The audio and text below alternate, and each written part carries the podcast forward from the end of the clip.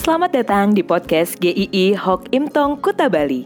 Penginjil Ray Reginaldi akan membagikan renungan harian singkat untuk membawa Anda mengenal dan menyembah Tuhan Yesus, bertumbuh dan menjadi murid Kristus, serta berdampak untuk banyak orang. Jika Anda merasa diberkati melalui renungan ini, silahkan bagikan podcast ini agar orang lain juga diberkati. Inilah renungan hari ini.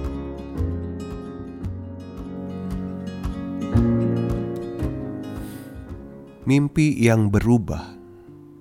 Yeremia 1 bagian 1 Kita akan membahas Yeremia 1 di dalam tiga hari ke depan.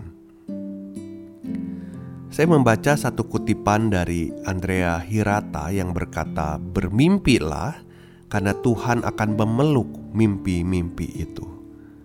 Indah sekali ya bahwa ketika kita memiliki mimpi di masa depan, itu dikatakan Tuhan memeluknya. Mungkin maksudnya juga Tuhan tidak mengabaikan.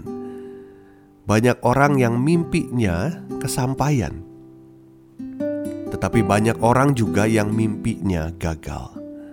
Mempunyai mimpi itu sah-sah saja, tetapi ingatlah, Tuhan tidak selalu mengapprove mimpi-mimpi kita. Namun, Dia pasti membawa kita lebih efektif lagi baginya melalui jalannya. Mimpi yang tidak kesampaian juga dialami oleh Yeremia. Ketika Tuhan memanggilnya, inilah keberatan pertama bagi Yeremia. Keberatan Yeremia, Tuhan memanggilnya sebagai nabi. Sedangkan Yeremia berasal dari keluarga imam. Ayahnya seorang imam. Tempat kelahirannya yaitu Anatot adalah desa para imam. Dia mungkin sudah punya mimpi kehidupannya akan mengikuti jejak keluarganya. Imam dan nabi punya peran yang begitu berbeda.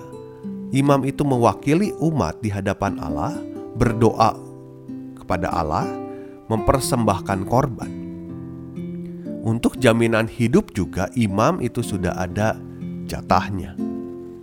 Sedangkan nabi adalah orang yang menyuarakan suara Tuhan kepada umat. Tidak boleh salah. Nabi itu dipilih langsung oleh Tuhan, bukan berdasarkan keturunan. Berita baik atau buruk harus disampaikan tepat seperti yang dikatakan Tuhan.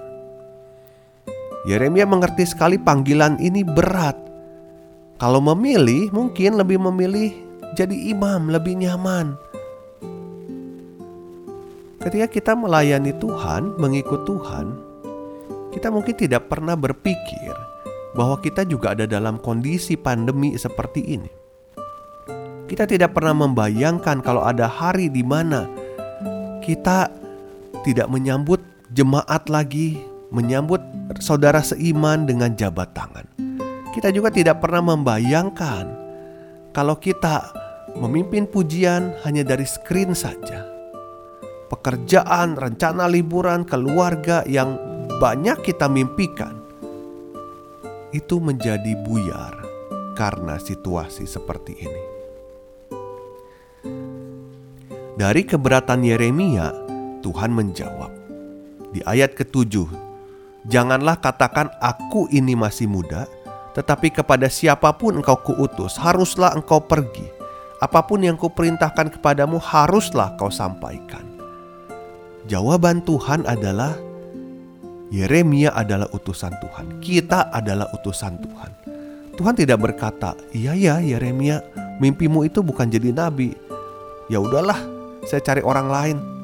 Tuhan tahu siapa yang dipilihnya, dia tidak pernah salah. Maka Tuhan katakan, "Jangan katakan. Haruslah pergi, haruslah kau sampaikan." Panggilan Tuhan kepada Yeremia pertama-tama adalah untuk dia punya sikap tunduk kepada Tuhan sebagai utusan Tuhan. Sikap yang setia untuk melayani Tuhan sekalipun itu berarti beda dari mimpinya, dari ekspektasinya. Kristus mengatakan dia adalah utusan Bapa. Dia datang dan taat kepada Bapa untuk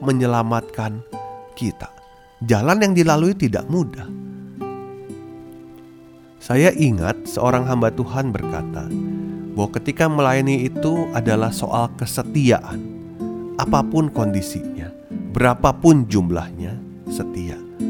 Tuhan mau kita nurut saja pada apa yang Tuhan percayakan saat ini. Banyak hal di kehidupan kita tidak sesuai mimpi kita hari ini, tapi hari ini Tuhan mau kita belajar bahwa kita adalah utusan Tuhan. Kita tetap dikehendaki Tuhan untuk bisa tetap melakukan apa yang Tuhan mau, mengerjakan bagian kita. Karena kita ini adalah utusan Tuhan. Sampai jumpa besok, kita akan membahas Yeremia 1 bagian kedua.